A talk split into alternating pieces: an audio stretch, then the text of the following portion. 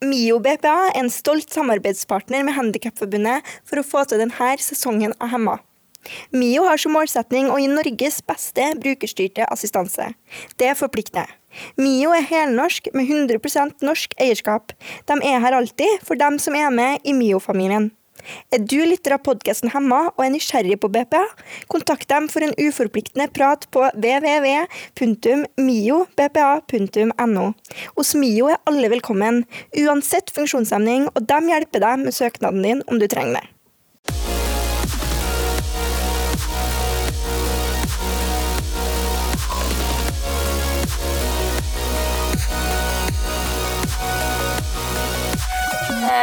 Og velkommen til en ny episode av Hemma. Eh, I dag skal jeg ha en litt annerledes episode enn det vi pleier å ha. Eh, og vi har valgt å kalle det eh, Marianne og Ida bak fasaden, del én. Vi skal prate om sorg og depresjon. Og det gjør vi fordi det er viktig å ta opp de temaene her, sånn at dere kan bli kjent med oss på en annen måte. Og at vi prater om noe annet enn enn hvor henne vi har følt oss om likestillingskamp, om reality, men om på en måte eh, hva som ligger på en måte ja, bak fasaden. Så vi snakker jo på en måte ofte om altså, ting vi gjør, og ting vi oppnår.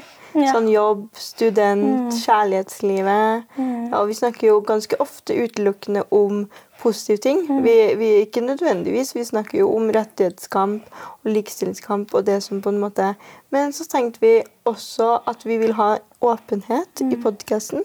Vi vil ha vi vil ha eh, at det her skal være et eh, godt og trygt jeg. At gjester eh, også skal kunne føle på at her kan vi være åpne.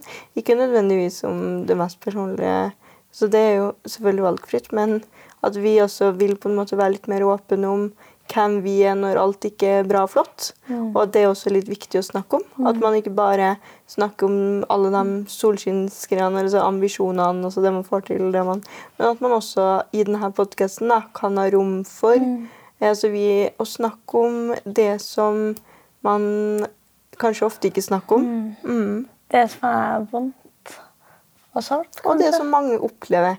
Og det som også funksjonshemmede opplever. Og det er også en grunn til at vi har valgt litt det her. Fordi som funksjonshemma så er det ofte litt sånn den der at man får litt sånn den der Man har så masse eh, fordommer eh, og stereotypier knytta til seg. At man er passiv, at man er trist, at man er sånn og sånn. Og derfor så ofte så føler i hvert fall jeg at man får en litt sånn trang til å em, til å være Til å prestere, til å være superhappy hele tida. Spesielt kanskje det, da, hvis man opplever en depresjon eller sorg. At det kan være vanskelig å være åpen om det. Kanskje ekstra fordi man er funksjonshemma. Fordi man, man tenker sånn her, ah, at man skal i hvert fall ikke bli deprimert. Man skal i hvert fall ikke altså, man skal i hvert fall ikke være trist. Og det er derfor vi kanskje har tenkt at eh, det, er, det er litt fint å kunne være åpen om at man ikke bare liksom supermennesker hele tida, men at man også kan være litt åpen om det som eh, at, man, eh, at, at det er også en del da, av livet. Eh, At man også kan oppleve psykiske lidelser, f.eks. Mm. ikke at det kan komme av at man nødvendigvis er funksjonshemma. Det kan jo komme av det òg, men at man er mennesker som alle andre mennesker, som kan oppleve det som man. Mm. Så det er liksom tanken bak Marianne og Ida bak fasaden. Del én og del to. Ja. Mm. Så i dag så skal vi prate om eh, da du, Marianne, mista moren din. Mm. Eh, mm. Så det blir tema for dagens episode. Eh, så da er det fint å spørre litt om hvordan forholdet ditt var til moren din. Ja. Og så må jeg jo bare si sånn først at jeg merker jo at jeg er litt nervøs i dag. Jeg er litt nervøs for denne episoden, og jeg syns det er liksom uvant å skulle svare på spørsmål om det. Eh, fordi man vanligvis snakker om litt sånn rettighetskamp og likestillingskamp, og er liksom ganske sånn um, Det er sårbart, det òg, og personlig, det òg. Men det her føles jo kanskje enda litt mer personlig. Eh, så det er jeg spent på. Mm. men også klar for og tenker kan bli veldig fint. Mm. hvordan forholdet eh, til meg og mamma var. Det var, det var um, Altså, hun er jo virkelig en eh, Altså, hun var jo Sier man jo, det er noe rart. Eh, hun var jo eh, en av de sterkeste liksom kvi, kvinnen i mitt liv, skal jeg si. Hun, hun var veldig sånn tydelig. Um, og engasjert og bestemt og intelligent. Og hun, hun var sånn som ikke befant seg ikke, Hun fant seg aldri i noe tull. Hun var sånn derre Jeg som barn trengte ikke å stå på barrikadene og kjempe for mine menneskerettigheter. Ikke nødvendigvis at man gjør det som barn heller, men jeg var litt sånn der, trygg på at hun tok det av at hun tok den, eller hun tok det av seg, sånn at jeg kunne være barn. da. Eh, og hun var liksom veldig sånn eh, aktiv. Aktiv i organisasjonsliv til en viss grad. Altså var nestleder i SEP-foreninga i Trøndelag og, eh, og sånne ting. Eh, og så var hun også en sånn person som var utadvendt, men også ganske innadvendt. Var litt glad i musikk og kosa alene med en bok og hadde veldig behov for den alenetida. Em, eh, hvordan forholdet vårt var. Det var veldig sterkt på mange måter. Eh, vi kunne prate om alt, men samtidig så var vi liksom sånn som bare kjente hverandre, forsto hverandre. I hvert fall følte jeg at hun forsto meg. At jeg trengte ikke nødvendigvis å si så mye heller, fordi hun bare liksom kjente meg. Eh, vi var liksom veldig, veldig tett. Veldig, veldig nære. Eh, og, og mye av min identitet, og den jeg er, forbandt jeg vel en del med hun. Em, gjorde jeg. Eh, når, og så var jo vi veldig nære. Og så når jeg ble rundt en 14-15 år, da begynte hun å utvikle en rusavhengighet. Hun ble avhengig av eh, alkohol. Um, og det er liksom sånn som jeg tror ingen på en måte forventa. Fordi at hun var så tydelig, var så sterk. var sånn, Folk så liksom opp til hun på en måte. For det, for det Og ikke at man ikke fortsatt gjorde det, da. Men det var noe som folk ikke forventa, fordi at hun virka som hun hadde så innmari kontroll på alt og på alle. Og at hun var så liksom trygg i seg selv. Eh, men, men det jo på en måte viser jo at det er så menneskelig, da. Med sånn rusavhengighet. Og så skal ikke jeg egentlig gå inn på grunner eller årsaker til det. Men jeg syns det er viktig å si, fordi selv om det absolutt altså Det var en del av hun, men det var ikke hun. Fordi hun var jo eh, den, hun var eh, som menneske. Men jeg tror også at det er viktig å snakke om fordi at det er så på en måte tabu. da, Å slite med en avhengighet. Skam og Og så blir det liksom sånn, når jeg forteller det ofte, så blir folk litt sånn Sånn var hun, ja. Sånn har du vokst opp. Sånn, eh, altså, sånn. Og da får liksom hun litt den merkelappen, da. Og det er vel også litt av grunnen at det er litt sånn skam. Det er litt sånn tabu. Og det gjør vel at man kanskje ofte ikke, ikke forteller det. Um, og så tror jeg også at det har vært enklere for hun eh, om hun hadde, eller da hun levde, å ta imot hjelp og være åpen om det.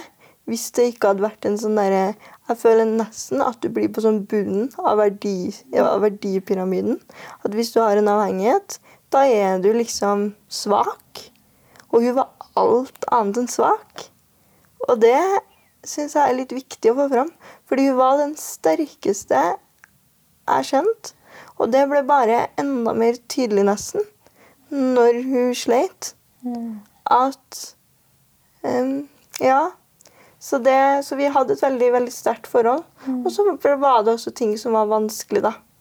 Spesielt når hun, da hun ble avhengig. Og i ettertid, da. Det var det jo. Det skal ikke jeg legge skjul på. Det var ikke bare uh, rosenrødt. Men det er vel ingen forhold. Alltid. Mm.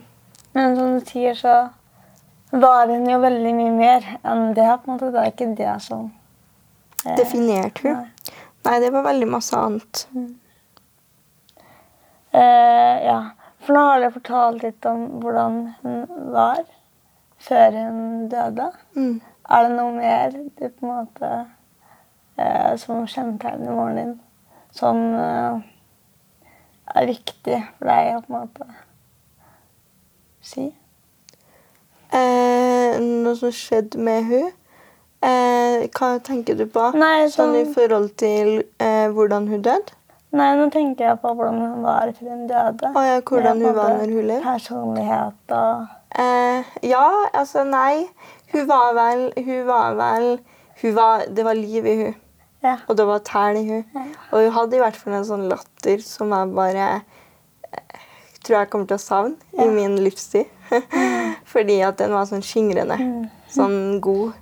Sånn det var så fantastisk å høre hun le. Eh, og det Og så var hun trygg.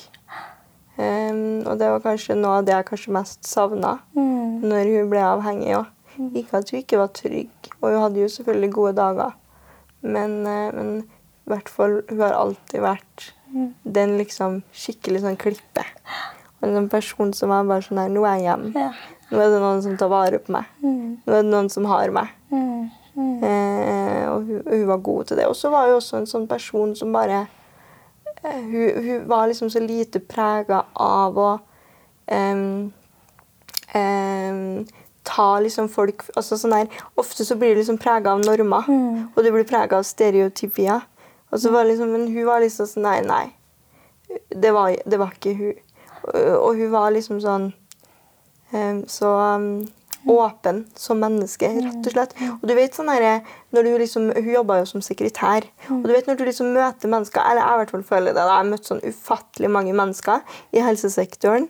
Og, og bare sånn resepsjon... Altså sånn der Du merker det når et menneske bare ser deg litt sånn ekstra. For moren din jobba jo Mm. i helsesektoren. Ja, hun jobba, hun jobba i habiliteringstjenesten for funksjonshemmede barn. Og hun jobba der som resepsjonist, eller hun var helsesekretær. Em, i, så hun satt i resepsjonen og liksom mm. Og der var hun liksom sånn Hun møtte jo mange av de eh, menneskene. Eller hun, hun møtte jo mennesker hele tida. Og hun var liksom sånn Hun var jo mor til funksjonshemmede barn. Både meg og broren min. Så hun var liksom sånn så kun, Hun brydde seg litt ekstra.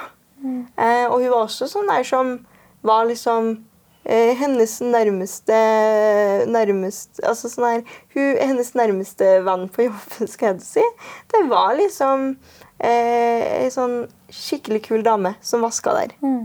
Og det var liksom, Ikke at det er noe sånn kjempestort, men, og selvfølgelig kan det jo være sånn, men det var liksom, hun var liksom et sånt menneske som bare Um, og så tror jeg mange liksom følte seg trygge da, når de møtte hun, og i stedet for, for det blir ofte så klinisk, sånn der, nå skal du dit, og så skal du sånn, og så, men hun var liksom en sånn der, hei, hvem, eh, hvem er du?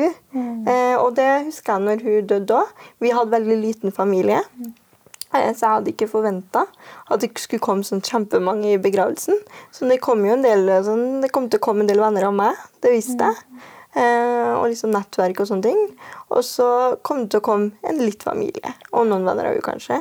Men, liksom, men det var så fullt at man gikk tom for brosjyrer å dele ut. Og det var sånn, Jeg ble er sånn rørt når jeg snakka om det, merker jeg. Fordi em, jeg visste ikke at hun betydde så masse for mange.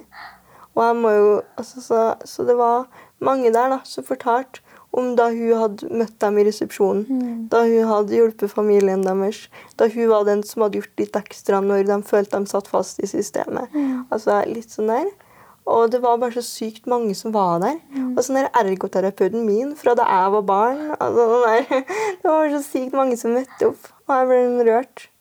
eh, Det er av veldig fint. Og vis hvor masse du betyr for noen når du egentlig kanskje glemmer det litt selv. Mm. Mm. Mm. Mm. Hun minner meg litt om deg, da, med tanke på det engasjementet Mm. i organisasjonslivet. Ja, altså Hun var jo ikke den som på en måte Men hun var jo litt sånn i CP-foreninga og litt sånne der ting. Um, så jeg ser jo veldig mye av meg i hun. Mm. Mm. Og masse ting, kanskje nå, de siste årene. Sånne fraser som jeg plutselig sier, som jeg finner meg sjøl i å si. Ja. Som hun pleide å si. Og så Oi, det var det, ja. Så tenker jeg ikke over det engang. det er masse sånne ting jeg kjenner igjen. Vil du fortelle litt om hvordan hun døde? Mm. Ja, hun Det var brått. Det var veldig brått. Eh, hun var jo Hun sleit jo eh, med avhengighet. Og det som er, da, når du på en måte Så hun var veldig syk på den tida. Hun sleit masse med det.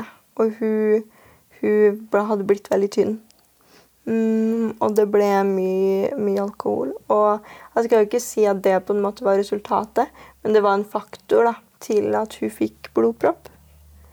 Eh, og det var Jeg var jo på folkehøyskole. Og jeg hadde ikke forventa det i det hele tatt. Jeg visste at hun sløyt med alkohol. Jeg visste at eh, nå var det kanskje litt ekstra ille. Men jeg hadde sett for meg at det var en sånn derre At du treffer bunnen litt av og til, og så reiser du deg. Og jeg bare venta. Det hadde jeg nok gjort i mange år. Fordi hun hadde jo vært avhengig i noen år. Og det hadde jo gått litt sånn i perioder òg. Hun hadde hatt perioder der hun var bedre. Og hun ville bli bra hele tida, men det er vanskelig, det der. Um, og det, det kan ikke jeg si noe om, fordi den avhengigheten har ikke jeg sittet med. Men uh, hun um, Ja. Så, um, så det ble veldig Hun fikk jo den Det, det var ikke noe som jeg forventa i det hele tatt. Jeg så for meg at nå er du litt på en litt sånn trasig sti. Du kommer til å Det kommer til å endre seg. Altså Helt til jeg for meg at hun kom til å bli bra. For hun var ikke en sånn type person. Ikke at det er noe som heter altså Nå har jeg gåsetegn, men det vises jo ikke i podkast. Men jeg så for meg at hun er så sterk. Hun er så tydelig. Hun er så, altså Det der er min mor. Selvfølgelig kommer hun til å bli bra. Selvfølgelig. Men så plutselig så fikk jo hun den blodproppen, og hun døde ganske sånn momentant. Um, og hun var ikke hjemme heller. Så det var jo pappa og broren min som var hjemme og fikk en prest på døra. Eh, Adrian, Adrian åpna døra, eh, broren min, og, Han er like gammel som deg. mm, og sa liksom til pappa Jeg skjønner ikke eh, hvorfor er en prest her. Og pappa tenkte sånn her oh, shit, det er farmor. Han tenkte det var mora hans. Ja. Det er farmora mi. Hun er 80, 80 år, over 80 år. Tenkte ja, det er farmor. Og så da presten sa Det her har jo de fortalt meg i ettertid, for jeg var på folkeskole i Oslo. Da presten sa nei eh, Det er altså det at, eh, at mamma, da, Rita, som hun het, eh, hadde dødd. Hadde fått blodpropp. Ramla om. Em, da, da tror jeg det var Det tror jeg var utrolig uvirkelig. Fordi hun var 50, hun skulle ikke, hun skulle ikke dø. Det er mammaen din. Så. Ja. Eh, så da ringte pappa meg, og jeg var på folkeskolen. Det var ikke Det var ikke noen der. Fordi de var på en utflukt eller et eller annet. Ja. Eller det var kanskje noen på folkeskolen, men i hvert fall romkameraten min hun var ute. Så jeg var alene på rommet. Og så ringer han meg, og så sier han 'mamma er død'. Og det var det han greide å si, fordi han eh, var jo i sjokk selv. Ja, ja. Så han bare 'mamma er død'. Mm. Hva var det som gikk gjennom hodet ditt da? Og da tenkte jeg farmor. Ja, ja. For det er hans ja, mamma. Ja. Ikke sant? Ikke sant? Så jeg ble kjempelei meg, Mm. fordi farmor og jeg vi er supernære. Eh, Så jeg ble kjempelei meg. Og sånn nære, Nei, farmor er ikke død. Nei. Jeg ble litt sånn der, der. Å, herregud, sa jeg. Og han bare Nei, Marianne, vent. Farmor er ikke død. Og da fikk jeg sånn enorm lettelse som bare sånn bredde seg rundt i hele kroppen. Og så sa han det er din mor som er død. Og da bare vet, altså Det bare brast alt, altså. Det var som om hele livet bare rakna, liksom. Fordi at jeg hadde Jeg tror nok også en del av det var at jeg hadde gått så innmari lenge og tenkt og hatt det i hodet mitt. Hun blir bra. Hun blir bra. Det der skal vi gjøre når hun blir bra. Det der skal vi snakke altså, sånn der. Og så plutselig så bare det her er jo ikke sant. Det her var jo ikke sånn det skulle ende. Det skal jo ende bra. Ting skal ha en lykkelig slutt. Det her er ikke slutten hennes. Hun fortjener ikke en sånn altså, det, var, det var alt mulig som for gjennom hodet mitt. Og jeg husker det ble så kroppslig. Jeg tror jeg aldri har følt meg så at kroppen bare Altså sånn her Jeg sa til pappa Jeg sa sånn herre OK, jeg må, jeg, må legge, jeg må legge på. Så han blir jo sikkert ubekymra. Vi var jo ikke sammen engang. Vi var jo langt unna hverandre. Så jeg la på, og så satt jeg der, og jeg bare så inn i veggen. Og plutselig så kjente jeg bare hendene. Hendene begynte å skjelve, hjertet begynte å banke. Det var helt sånn her uvirkelig. Sånn tidenes angstanfall, liksom. Og jeg fikk ikke pust. Det var helt forferdelig. Jeg grein ikke. Jeg bare skikkelig sånn derre Jeg fikk en sånn her følelse at nå er noe forferdelig i gang med å skje med noen som jeg er fryktelig glad i. Det her må stoppes. Må, det her må reddes. Det her må avverges. Og så satt jeg der med sånn skikkelig frykt. Sånn der, hvis du kjenner at nå er noe skikkelig ille i ferd med å skje, som du ikke har innsett at har skjedd, og sånn er det der med å endre. Helt motløs til å kunne faktisk endre det. da. Og da var jeg jo sånn her OK, ok, jeg må kanskje si fra til noen. Jeg må kanskje si fra til noen, det tenkte jeg. Men da, da det var jo der jeg ringte deg. For du Jeg hadde gått på folkeskole i litt under et halvt år, men du var liksom min, eh, min nærmeste i Oslo. Så da ringte jeg jo deg, og jeg husker ikke så innmari mye av samtalen heller. Jeg husker bare at jeg var Da begynte jeg å grine. Når jeg liksom hørte stemmen din, og du var liksom sånn 'Hallo, hva skjer?' Og da begynte jeg å grine. Og så skulle jeg jo fortelle deg hva jeg hadde fått nettopp en telefon om. Og da var jeg sånn derre Jeg tror ikke du forsto hva jeg sa engang. Det var helt sånn Helt surrealistisk. Og da kom jo du oppover. Med en gang. Du slapp jo alt du hadde i hendene. Og det var fint. Det gjør man ja. Det husker jeg. At jeg syntes var veldig fint. Det var liksom en sånn derre Nå kommer Ida. Ja. Tenkte jeg da. Nå kommer Ida. Og det var en litt sånn trygghet for meg. Eh, fordi jeg var litt sånn, følte meg litt alene i det. Familien min var jo hjemme. Broren og Adrian eh, Jeg tenkte jo masse på broren min, på faren min. Liksom, hvordan går det med dem? Hvordan har dem det? Pappa, som har mista kona si. Adrian. Så, så tenkte jeg at det var litt fint å bare ha en person der. Og bare Ja, det betydde masse for meg i hvert fall. At du var der. Du var der jo helt til jeg dro hjem i begravelse. Eh, og da husker jeg at jeg følte meg sånn Jeg hadde en sånn bunnløs, forferdelig sorg.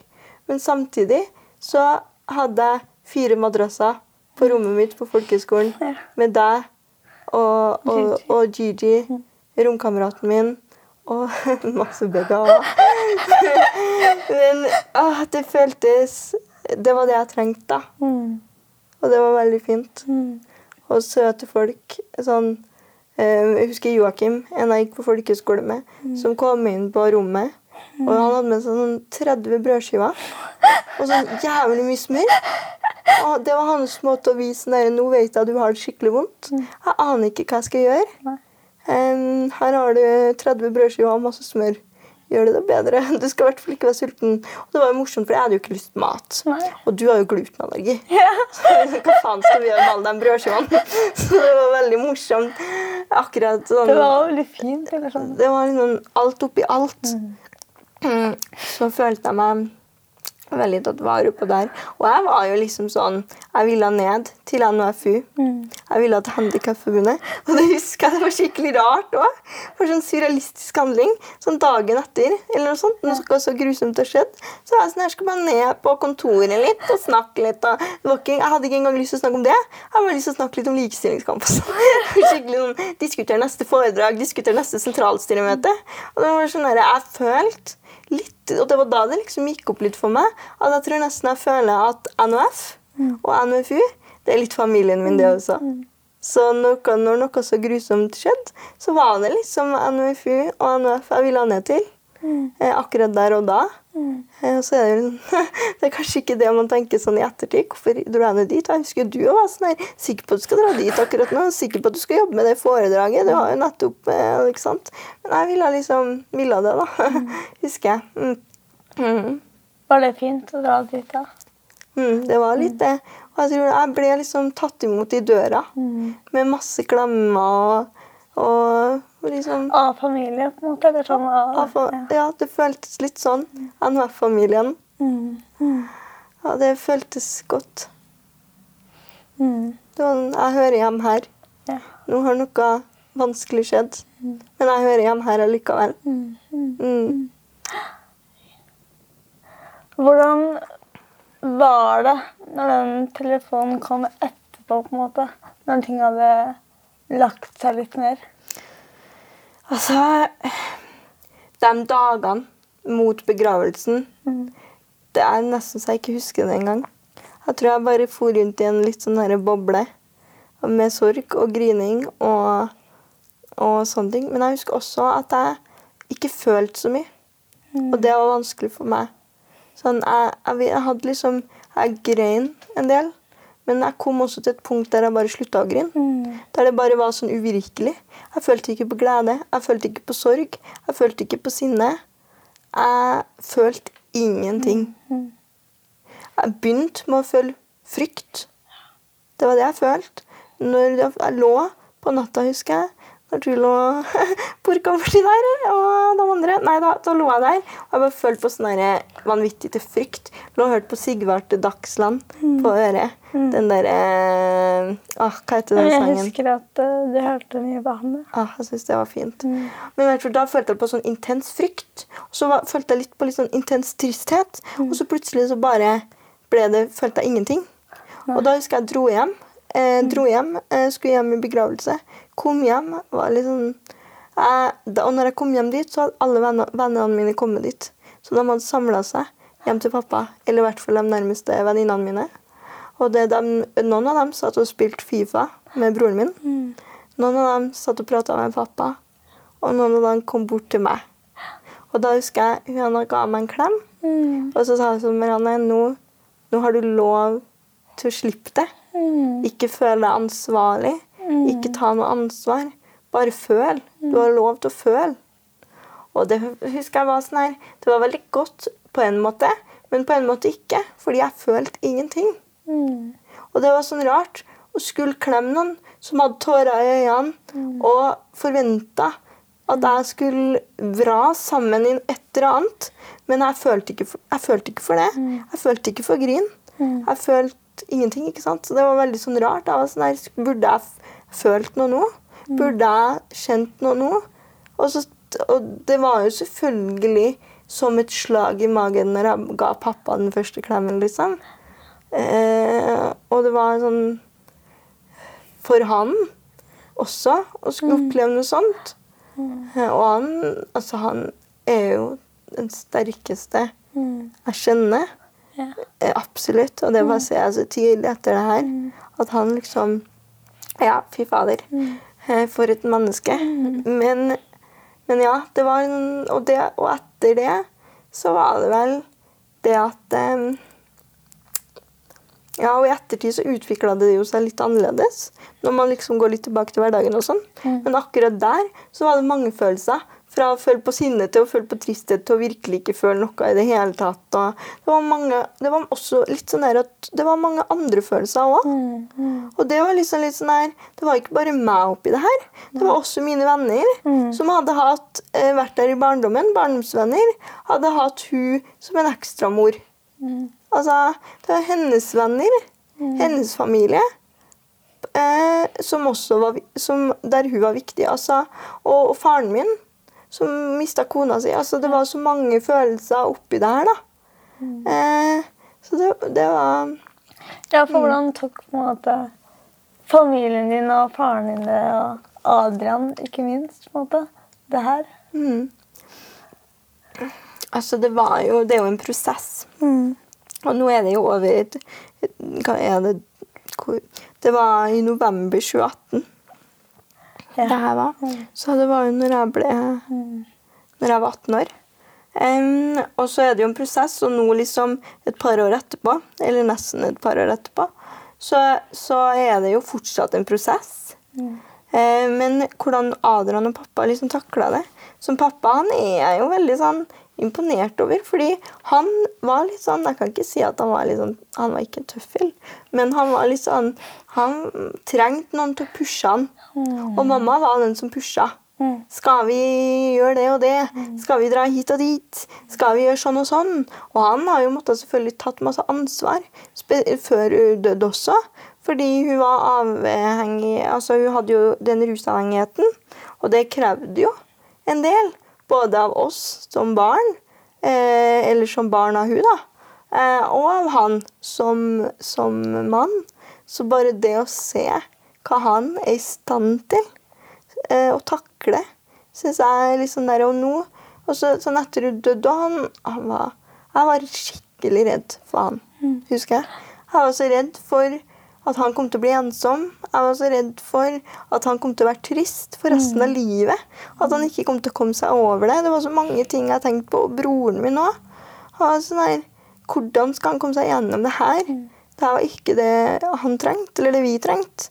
Men bare som pappa, han, han, han begynte å pusse opp huset en stund etterpå. Ordna seg litt prosjekter. Og jeg var sånn herre Han trenger mamma for å pushes. Hvem skal pushe han? Altså, meg er jo greit, men jeg bodde i Oslo. Så hvem skal pushe han? Han kommer til å sitte hjem og se på ting og dra på jobb og dra hjem. Og nei, uff, tenkte jeg. Men han han går i marka på orientering nå. Han baker brød som han glemmer i ovnen, og utforsker nye oppskrifter og pusser opp hus. og Han, han driver med masse greier, da. Uh, um, og jeg er liksom litt sånn stolt av det. Yeah. Og det sier litt om hvilken styrke vi mennesker har i oss. Til og med når noe så forferdelig som ikke skal skje, skjer. Så bare virkelig altså sånn, ja, Og jeg og pappa vi har jo et skikkelig solid forhold. Og det har jo bare blitt enda nærmere og enda sterkere etter det her. Det er jo veldig fint. Når moren din gikk så brått bort, Mm. eh, følte du at du fikk muligheten, eller fikk på en måte sagt ordentlig farvel til henne? Nei, det følte jeg ikke. Og sist gang vi møttes òg, før hun døde, så krangla vi, liksom. Mm. Mm, og det husker jeg det var noe som jeg sleit lenge med. Og så sleit jeg litt med Man stiller jo alltid spørsmål, spesielt når det er rusavhengighet inne i bildet. Mm. Så stiller man alltid spørsmål kunne jeg gjort noe mer. Burde jeg gjort noe mer? Kunne jeg sagt noe mer? Eh, og det har jo jeg òg gjort. Um, øh, gjort masse av. Og så skulle jeg jo ønska kanskje at jeg For jeg hadde liksom aldri den derre Jeg var liksom sånn der veldig sånn eh, Litt sånn fokusert på at hun skulle bli bra. Um, og det er jo mange ting jeg skulle ha sagt. Men jeg kunne kanskje sagt bare sånn derre um, At det er så tabu, da. Å være litt så rusavhengig. Og på en måte det at jeg Og det tror jeg nok hun visste òg, da. Men jeg skulle jo gjerne ønska å sagt bare sånn at jeg jeg er glad i hele deg. Mm. Sånn, jeg er ikke bare glad i, i deg som ikke sliter. Jeg er ikke bare glad i den perfekte versjonen. Den mora som jeg vil at du skal komme tilbake til. Den klippen som jeg vil at du Altså, jeg er ikke bare glad i den. Jeg er glad i deg. Hele deg, liksom. Mm. Jeg skulle ønske at jeg fikk sagt det. Um, det er jo sånn som man, man ser liksom i ettertid. At man Tror du ikke at hun vet det? på en måte? men samtidig så tror jeg nok hun vet at jeg var veldig glad i henne. Og jeg vet jo at hun var veldig glad i meg. Mm.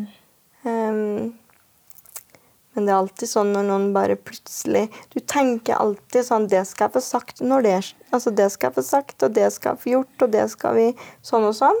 Og jeg skulle nok ønska um, Jeg hadde jo ikke forventa at det kom til å skje så brått. Så det har jeg lært veldig, da. At du skal ikke vente senere. Føler du noe? Tenker du noe? Så sier du det der og da. Og det er jo blitt til det utholdelige. Altså sånn der, Jeg er alltid sånn, jeg. Om jeg drar fra en eh, venninne, om jeg snakker med pappa i telefonen, farmor Altså uansett. Jeg er veldig glad i deg. Hver gang. Om det er sånn Kan du kjøpe meg pølse på butikken? Ja, jeg er veldig glad i deg. Ha det. Sånn er jeg blitt veldig. Altså, du vet liksom ikke. Og jeg hadde nok forventa hadde en litt sånn derre at litt sånn der, Når du vokser opp, så får du litt sånn derre life reality hits you hard. Og jeg føler jeg fikk litt den. For jeg var veldig sånn der alt eh, Jeg tenkte litt sånn der at alt kommer alltid til å ordne seg på et eller annet vis. Man kan oppleve liksom humper og dumper i livet, men ting fikser seg. Og jeg tenkte litt det samme om hun òg. Sånn, hun skulle bli frisk, hun skulle bli bra.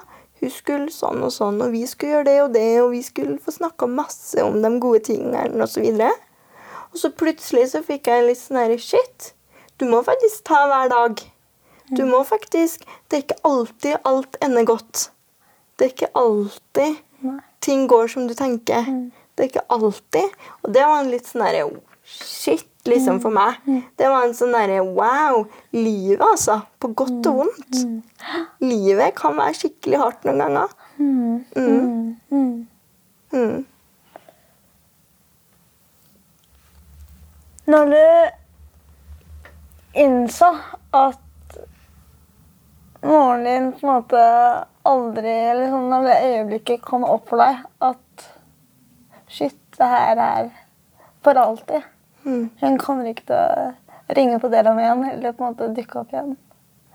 Mm. Hva var det, på en måte, hva var det som gikk gjennom hodet ditt etter, på en måte, etter sjokket? Og du forstår Shit, det her er for Det alltid. der var jo veldig rart. Og jeg syns det var veldig rart. Jeg syns fortsatt det kan være veldig rart òg. Hvis jeg tenker på at altså, hvis jeg møter en annen dag, kanskje gifter meg, kanskje får egne barn, så er jeg sånn Hun kommer ikke til å være der. De kommer ikke til å ha tidenes kuleste dame som mormor. Jeg kommer ikke til å kunne ringe og spørre om tips i svangerskapet. Eller. Sånn det, det er ofte liksom jeg tenker sånn her Oi, shit, jeg er dritdårlig til å lage saus. Jeg skulle gjerne ringt og sånn. Det er ofte jeg tenker det. Men, men eh, også tror jeg også det var skikkelig rart, fordi når hun døde, så kunne jeg jo gå på Facebooken min Mm. og se at hun var aktiv for tre timer altså sånn, for sju timer siden. Mm. Og det var rart. Det var innmari rart. Mm. Og at jeg, jeg kunne sende Jeg husker jeg sendte en tommel opp. Det var sånn rart. Trykka på tommel opp. Ja. Så kom det opp. Sendt. Og jeg liksom venta på at det skulle stå sett. Mm. Men det gjør det jo ikke. Så sånn, sånne ting syns jeg var sånn innmari rart. Mm. Skikkelig rart. Les over den siste samtalen. Mm. Hun hadde fått blomster fra kollegaene sine på jobb fordi hun var sykmeldt. så hadde fått blomster, så vi snakka om det. Hun hadde sendt meg bilder av hvor fine blomster det var. Sånn. Det var dagen kvelden før. Mm. Mm, kjemperart. Og i ettertid òg, når det liksom skikkelig går opp for meg Jeg kan få sånn skikkelig grinetokt. Sånn der Shit, mora mi er borte, liksom. Shit, jeg må klare meg selv i verden. Og sånn der skummelt sånn. Og det har jeg fått sånn når jeg var i Sør-Afrika, f.eks. Med folkeskolen. Det var sånn halvår etterpå. Plutselig bare begynte jeg skikkelig å grine, liksom. Så bare, det er ingenting. Jeg er bare litt trist akkurat nå. Og begynte å grine. Og så når vi var i Roma òg, var på vei hjem fra et eller annet Jeg var, var grynet. Så det blir jo litt sånn. Og plutselig så er det sånn, Nå er det mindre av det, selvsagt. Men det var sånn, det var ei på folkeskolen som hadde samme støvkost Mm. som mamma brukte når hun tørka støv. Mm. griner. Så det, det blir der du plutselig får den derre Det har skjedd, ja. For du blir så vant til å fortsette med ditt og gå litt sånn på autopilot. Så bare, Oi, det har skjedd, ja.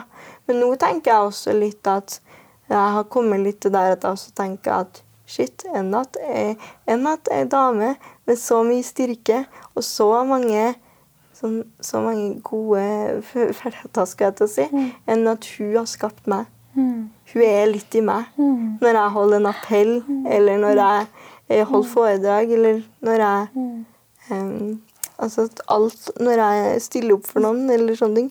Hun, eller når jeg står i vanskelige ting. Kanskje akkurat det. At det her syns jeg er skikkelig vanskelig. Nå må jeg finne styrken i meg selv for å klare å fortsette. Da er hun der. Når jeg tar det steget. Når jeg, ikke sant? Og det føles litt sånn fint. Hun er en del av meg. Sånn er på en måte alltid der, selv om hun Mm. ikke ja. Mm. Det er veldig fint. Mm. Føler du at det er på en måte De gangene du griner, bare fordi at uh, du må grine, Uh, føler du at det er greit da? Å bare la det Jeg føler det litt deilig Ja. å grine. Mm. Fordi det som jeg også har følt veldig etter mamma døde, kanskje spesielt sånn generelt, er liksom litt at jeg, jeg har slettet litt med, med depresjon. Det må jeg liksom være åpen om. Og depresjon, det er en sånn derre ball, føler jeg. Jeg vet ikke helt hvordan jeg skal si det. Men en sånn her ball, eller sånn klump i magen, som bare legger seg der og fucker til litt ting. Føler jeg. Som gjør at man blir litt trist og blir litt sånn Ja, den er der. Mens eh, Ja, mens når jeg griner, det er deilig. Fordi at da føler du. Og det er i hvert fall noe som jeg har følt veldig på når jeg har vært deprimert. At jeg ikke følt at jeg har følt så mye. Jeg har ikke følt meg så levende. Jeg har ikke vært meg. Ikke, sånn, etter hun døde og sånn, i lang tid etterpå. Nå begynner det å bli bedre. Jeg har dårlige dager nå også. Men nå er det bedre. Men da var det sånn Jeg kunne gå på kafé med venninne. Følte ikke noe glede. Jeg følte bare på den styggen på ryggen. Kunne holde en appell, kunne holde et foredrag. Var ikke brennende engasjert, sånn som jeg pleier. Og det er litt så vanskelig. Hvem er jeg i det her? Eh, og det å være deprimert, og det å ikke være sånn superglad hele tida. Um, men sånn, nå går jeg jo liksom litt inn på andre ting her, da. Men som svar på spørsmålet Det er ja. ditt, der er det bare sånn deilig å grine, for da føler du. Uansett om du er sint, uansett om du er engasjert, uansett om du er trist. Du føler. Og det er deilig å føle. Det er ikke deilig å være liksom Å ikke være i stand til å føle. Mm. For nå er vi litt inne på det her med å på en måte eh, komme tilbake igjen til hverdagen og la på en måte Mm. Hvordan er det når sånt har skjedd? Med å på en måte, man må jo tillate seg selv å, å føle på ting og på en måte være litt i det. Og Mm. Ja. samtidig på en måte komme tilbake igjen. Mm. Nei, altså jeg Jeg anerkjent at jeg nå trenger jeg kanskje litt hjelp. Det her er kanskje litt større enn meg, og jeg vet ikke helt hvor jeg skal gjøre av den klumpen. Eh, For den føler jeg gjennomsyrer hele meg nå. Så det trenger jeg å få litt utenfra-perspektiv på, Ja. hvis det gir mening. Mm. Så da tenkte jeg nå må jeg ta imot litt hjelp. Så da tok jeg kontakt med um, en gammel kollega av mamma, faktisk, Mm. som jobber som psykolog. Mm. Eh, og så spurte jeg og sa liksom at det her har skjedd, og jeg føler på det her og det her, og jeg vet at du er supertravelt, og det her er sikkert sånn veldig casual greie, bare send en melding og Men jeg bare håper jo kanskje at du har mulighet til om jeg kan få noen samtaler. Mm. Og da fikk jeg noen samtaler til psykolog, og det en psykolog jeg har gått en del til. Eh, også egentlig før hun gikk bort, men ikke sånn fast. Men, eh, men, men eh, i perioder. Eh, fra jeg var tenåring og oppover. Eh, og det er en fantastisk mann. Bare fy fader, som han har hjulpet meg. Og som jeg har lært om meg selv. Mm. Og bare så sinnssykt Han, han er veldig sånn oppriktig. Så når du bare føler at noen bryr seg sånn skikkelig om deg og vil hjelpe em, Og ja. Så jeg gikk til psykolog og fikk liksom lært litt om hva er det her, hvorfor føler jeg på de her følelsene, hvorfor gir det meg de her tankene. For jeg fikk veldig sånn tanker om meg selv. Kanskje jeg ikke er så dyktig, kanskje jeg ikke er så bra. Kanskje jeg egentlig ikke vil jobbe med altså Jeg var helt der at jeg kanskje egentlig ikke vil jobbe med likestilling. Kanskje jeg egentlig ikke vil, vil jobbe med aktivisme. Um, kanskje vi gjør noe helt annet. Kanskje jeg ikke kjenner meg sjøl i det hele tatt. Kanskje jeg ikke vet hvem jeg er. Kanskje jeg, finner en skikkelig sånn identitetskrise. Jeg syns det var veldig vanskelig. Jeg begynte liksom med kanskje Kanskje jeg kommer til å ende altså sånn, Jeg fikk liksom litt den der. Hun fikk ikke sin lykkelige slutt. Hvorfor skal jeg få min? Mm. Og hva. Jeg fikk masse sånne tanker. Og, um, og det var veldig fint å kunne jobbe litt med det med psykologen. Og liksom kunne se det litt utenfor seg selv. Han sa liksom at, eh, at hvis du ser for deg at du har et blad, et ukeblad, Ja. i fanget, så tar du ukebladet helt opp til øynene. Ja. Så gjorde jeg det. sånn, hvorfor, Hva er det du driver med? Hvorfor foreslår du det? Så teit, liksom. Eller sånn, Jeg tenkte sånn Hva er det godt for, liksom? Så holdt jeg ukebladet helt til øynene, og så sa han Hva ser du nå? Så nei, jeg ser noe jævlig lite, da. Sånn, det er depresjon. Ja. Det er når du har depresjon. Men du kan ikke se du kan ikke, du kan ikke se realistisk nå, for du ser ikke en dritt. Du ser jo ikke hvor bra du er. Du ser jo ikke hvor sterk du er. Du ser ikke hvor flink du er. Du ser bare ingenting. Og det blir jo litt sånn eh, altså, så, så, Ikke sant? Og så sa han sånn Flytt det bladet litt unna. Og så sa han Ser du litt bedre nå? Og da sa jeg ja. Og så sa han men bladet er der igjen, da. Ja. Ikke sant? Men du kan se Så depresjon kunne være der. Jeg kunne få de tankene, men jeg visste at Men jeg kunne se, jeg kunne se rundt. Jeg kunne se at det her er depresjonen som snakker. Det her er stien på ryggen. Ikke sant? Og til slutt så var målet at jeg kunne legge bladet i fanget. Ikke at jeg skulle, ikke at jeg skulle brenne det. Ikke at jeg skulle legge det bort. Ikke at det ikke skulle være der. Men at jeg kunne, det var en del av meg. Jeg kunne ha det i fanget. Men jeg kunne, jeg kunne se rundt meg og verden. Og det jeg likte å gjøre, og den jeg likte å være. Og det her er meg, på en måte. Eh, og den, den har liksom sittet litt sånn, den husker jeg godt. Når jeg liksom tenker på For man blir så blind eh, i sånne type ting. Og, dem, og da er det liksom sånn Det her vistes jo ikke utad til meg i det hele tatt. På Instagram øh, holdt appeller, var med venner, levde tidenes liv, liksom. Men hjem så hadde jeg dager der jeg ikke ville stå opp. Dager der jeg ikke, der jeg ikke fikk i meg mat. Dager der eh, jeg hadde kjempenegative framtidsutsikter. Ikke sant? Men det var liksom sånn Det, det, det var det. Og så var all, så, så, så det var jo liksom mm, masse, masse venner av meg òg som tenkte at liksom alt gikk bra. Ja, ja. Fordi at Ikke nødvendigvis i ettertid, men kanskje litt, litt senere. ikke sant? Når man slutter å spørre, og når hverdagen begynner igjen. Mm. Så det blir sånn, da er det en ordentlig fasade, på et vis. da. Det er litt Tenkte du mye på, på fremtiden? Mm. Jeg har tenkt masse på fremtida. Og det var liksom litt Jeg følte jo også litt på det som vi på en måte snakka litt om. At um, jeg var liksom veldig redd for å ikke mestre livet. Veldig redd for Og så, sånn, og så ble jeg liksom sånn Jeg ble liksom det her, Jeg syns det var et ansvar. Et tungt ansvar. Og så det å på en måte møte diskriminering òg. Oppi det hele. Ja. Som funksjonshemma var liksom sånn der Jeg var så innmari redd for å ikke mestre livet. Og så var det mange som fortalte meg at Eller sånn Du hører liksom hele livet som funksjonshemma sånn her at eh, Ikke at du ikke mestrer livet, men du skjønner hva jeg mener. At man kanskje man hører sånn, kanskje man skal begynne på trygd i stedet for å ta den jobben.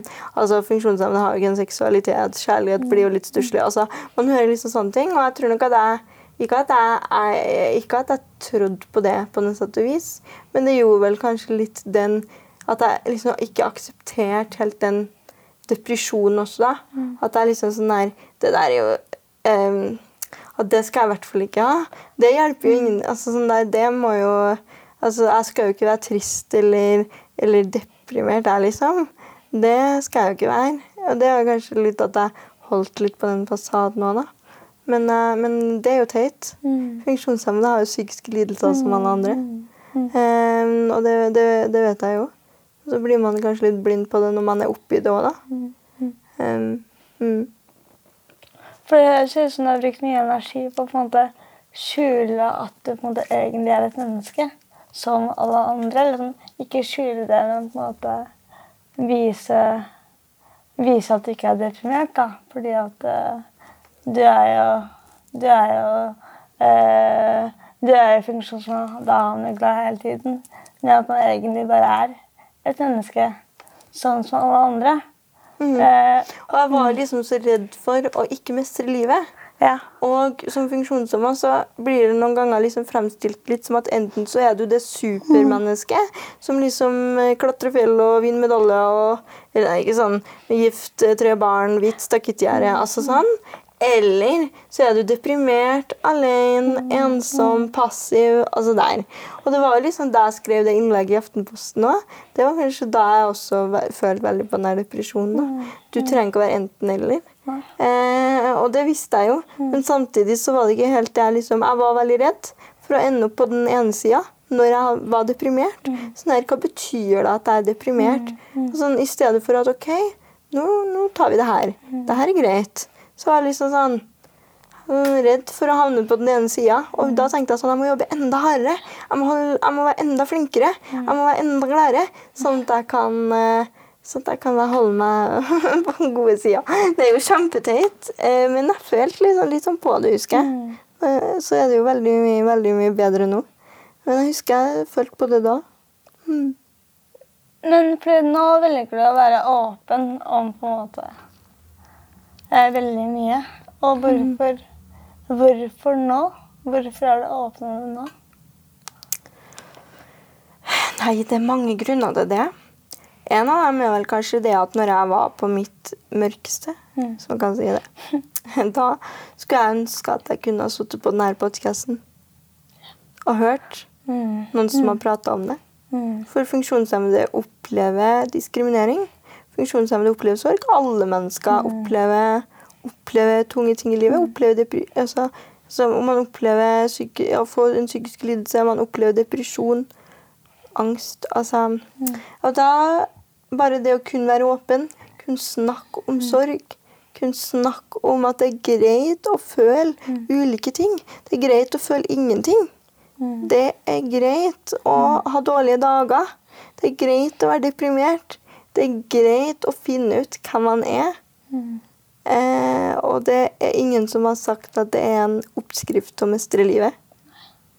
Så jeg snakker om det nå fordi at jeg orker ikke noe Altså, jeg skal ikke ha noe fasade mer. Så jeg har mine ting som er privat, som jeg, som jeg ikke deler. Med respekt for meg selv og menneskene det omhandler. Så jeg deler jo ikke alt her heller. Men jeg deler noe, Mm. og det er viktig. Fordi at ved åpenhet så er det litt godt for min egen del òg å sette ord på det. Mm. Og at man kan snakke om ting. eh, Og være åpen om ting. Jeg husker jo det at når mamma døde, så ble jo folk litt sånn herre Hva skal man si? Hva skal man gjøre? Kondolerer? Er det nok? Mm. Eh, hva skal man si? Altså At man gjerne blir litt sånn redd for å si noe feil. At man ikke Men jeg husker jeg syntes det var så sinnssykt deilig når en kompis av meg bare var sånn her Jeg skjønner deg skikkelig godt, og du er super, men jeg skjønner ikke mora di så godt. Vil du fortelle meg litt om henne? Mm. Et par, en ukes tid etter hun døde. Mm. Og jeg husker det var så deilig. Mm. Fordi folk bare Og det er ikke alle som vil snakke om det heller, men da kunne jeg sagt jeg vil ikke snakke om det. Men jeg synes det var så deilig å bare bli spurt. Mm. Fordi det var deilig å snakke om det som var forbudt frukt. Mm. Det var det ingen snakka om. ikke sant? Og jeg tror folk liksom blir litt sånn vanskelig å vite hva man skal snakke om, hva man ikke skal snakke om. Og jeg bare synes Det er litt sånn der, det her er det skumleste for meg å snakke om. Det er skummelt for meg og vanskelig for meg å delta i podkast og snakke om det her. Eh, men, men det er litt viktig, føler jeg, å ha den åpenheten. Og kanskje det hjelper andre som går igjennom depresjon eller, eller, eller sorg, og hører bare at Hei, eh, det er lov. Mm. Eh, rett og slett. Og det, sånn er det. Mm. At det er fint at folk spør hvordan det går. måte. Mm. At man tør det. Mm. Mm. At det er lov å si at det er vi ikke prater om. Men, Selvfølgelig. Eh, mm. men hvordan har du det nå? På en måte etterpå? Etter, etter det her? Hvordan, Ja, er det noe du har lært av jeg har lært at åpenhet er viktig. mm. Eh, både på mange ting. Og jeg har lært at man ikke har alle, At man ikke må ta verken dager eller folk Mm. gitt. Man må leve. Man må leve. Og seg, ikke liksom henge seg opp i alt som, som forventes av deg, som må gjøres. Sånn, sånn, Men tenk over hva har du lyst til? Hvem er du? Hva har du lyst til å gjøre akkurat i dag? Kunne ta litt spontane ting. Ikke henge seg opp i, i å stresse seg opp av alt mulig smådetaljer som ikke har så mye å si. Men bare liksom leve. Og, og gå og se på den solnedgangen, selv om du egentlig skal rekke en buss. Det er kanskje ikke alle som er enig i meg der. Men sånn herre sånn, Jeg kom til Oslo i går, forrige års. Og da var det ei som spilte nydelig fiolinspill. Fix you. Fiolin på Jernbanetorget. Og da skulle jeg rekke en buss som gikk om fem minutter til deg. Men nei da, da tenkte jeg sånn nei, det er ti minutter til den bussen går. Jeg tror jeg kommer til å rekke å høre ferdig den sangen. Og dra dit etterpå. Men så tenker jeg sånn Jeg har bare så sjukt lyst å høre den sangen nå, så da gjør jeg det. Selv om jeg kanskje misser den bussen. Men jeg gjorde ikke det, da. Nå skal det sies. Men det var bare sånn her Bare lev litt, da. Gjør det du har lyst til akkurat da. Hvis du ikke vil studere, ikke studer fordi du føler du må. Hvis du, hvis du um, så Vi henger så gærent opp i normer. Vi må gjøre sånn, vi må gjøre det som forventes av oss. Sånn og sånn og sånn. Bare gjør det du har lyst til. Tenk over hva, hvem er jeg? Hva vil jeg? I, altså, jeg skal ikke gjøre ting for å forsikre meg at jeg får en superfin fremtid. At jeg mestrer livet. At jeg ender opp med stakketgjerde. Og, og så, ikke sant, du skjønner hva jeg mener? Jeg skal gjøre ting her og nå fordi jeg syns det er gøy. Fordi jeg syns det er bra. Fordi jeg syns det er viktig. Og det men leve litt i nuet. Og det er sånn som jeg prøver å fokusere litt på nå. At jeg skal ikke være så innmari fremtidsredd. Jeg skal gjøre det som er viktig der og da. Jeg skal være mer åpen. Og derfor er podkasten her nå. Nei da, ikke bare derfor. Men, men, eh, så det går veldig mye bedre nå. Men samtidig så har jeg skikkelig noen vanskelige dager. Der jeg bare syns at ting er vanskelig. Og der eh, men, men det er langt flere fine dager enn det er dårlige dager. Men sånn er det for alle sammen. Man har både gode og dårlige dager. Mm. Men jeg har mer verktøy i kassa nå. Så er det andre ting jeg må jobbe med. Og sånne ting man må jobbe med seg selv. Men jeg har mer verktøy i kassa til å takle de dårlige dagene nå. Jeg har lært masse, masse, masse om meg selv og om andre. Og at det, det er enkelte dager man bare ikke man bare, Det man har klart den dagen, det er å stå opp og spise en lollipop eller noe. Det. Men det er fint. Mm. Trenger ikke, trenger ikke alltid å være det store. Mm. Og det er skikkelig fint sagt. Eller sånn at du på en måte At det å være stormshandler eller pappa, det er på en måte Det er Det er greit, viktig ja. Man er er så hard mot seg selv. Jeg har vært så innmari hard mot meg selv. Og det ser jeg.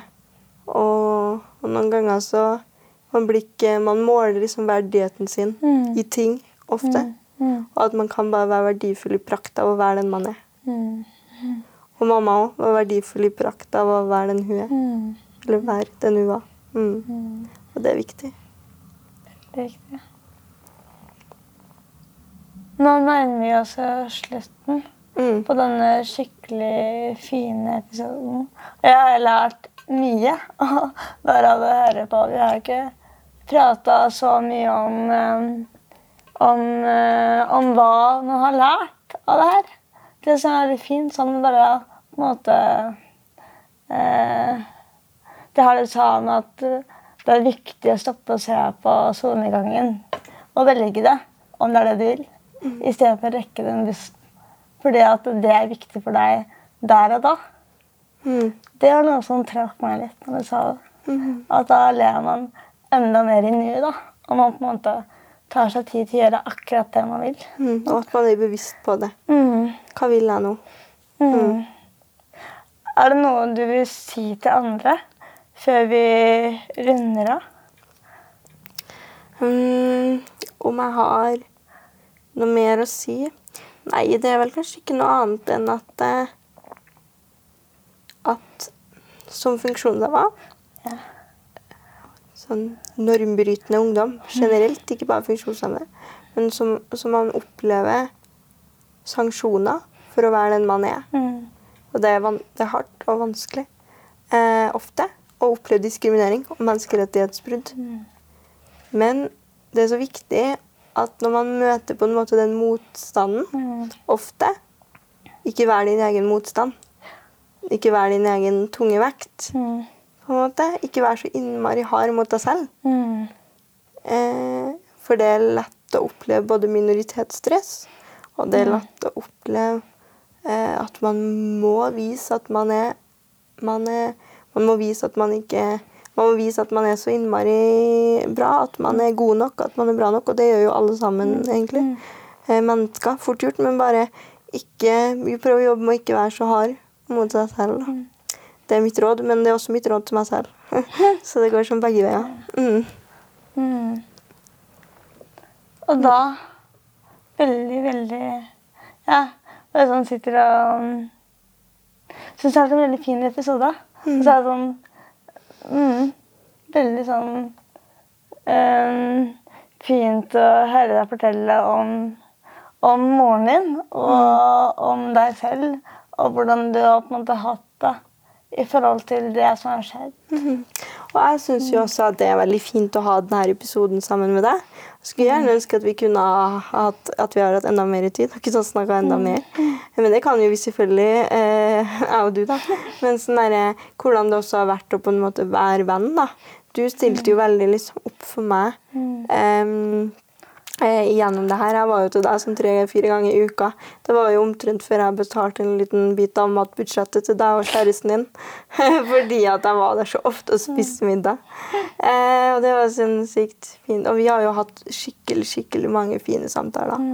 Eh, og der har det liksom vært helt ufi ufiltrert. Og det er veldig fint. Um, og det er også veldig fint å kunne ha denne samtalen i lag i podkasten. Mm. Mm. Ha både, både likestillingskamp og så litt sine egne kamper. Ikke at likestillingskamp er det, men du skjønner Ja, men ja, ja. Den indre. Veldig enig. Mm. Indre kamp. Mm. Med, med det så kan vi jo runde av og takke for eh, episoden. Eh, takke hverandre for en fin episode i lag. Mm. Og så håper vi at eh, lytterne også setter pris på det. Det gjør de helt sikkert. Blir litt mer kjent. Ja. På godt og vondt. Mm. Mm. Yes. Mm.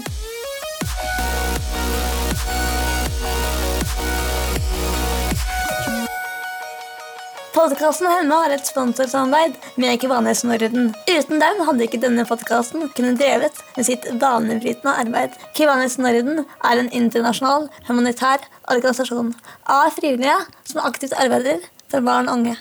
MIO BPA er en stolt samarbeidspartner med Handikapforbundet for å få til denne sesongen av Hemma. MIO har som målsetning å gi Norges beste brukerstyrte assistanse. Det forplikter. MIO er helnorsk med 100% norsk eierskap. De er her alltid for dem som er med i MIO-familien. Er du lytter av podkasten Hemma og er nysgjerrig på BPA? Kontakt dem for en uforpliktende prat på www.miobpa.no. Hos MIO er alle velkommen, uansett funksjonshemning, og de hjelper deg med søknaden din om du trenger det.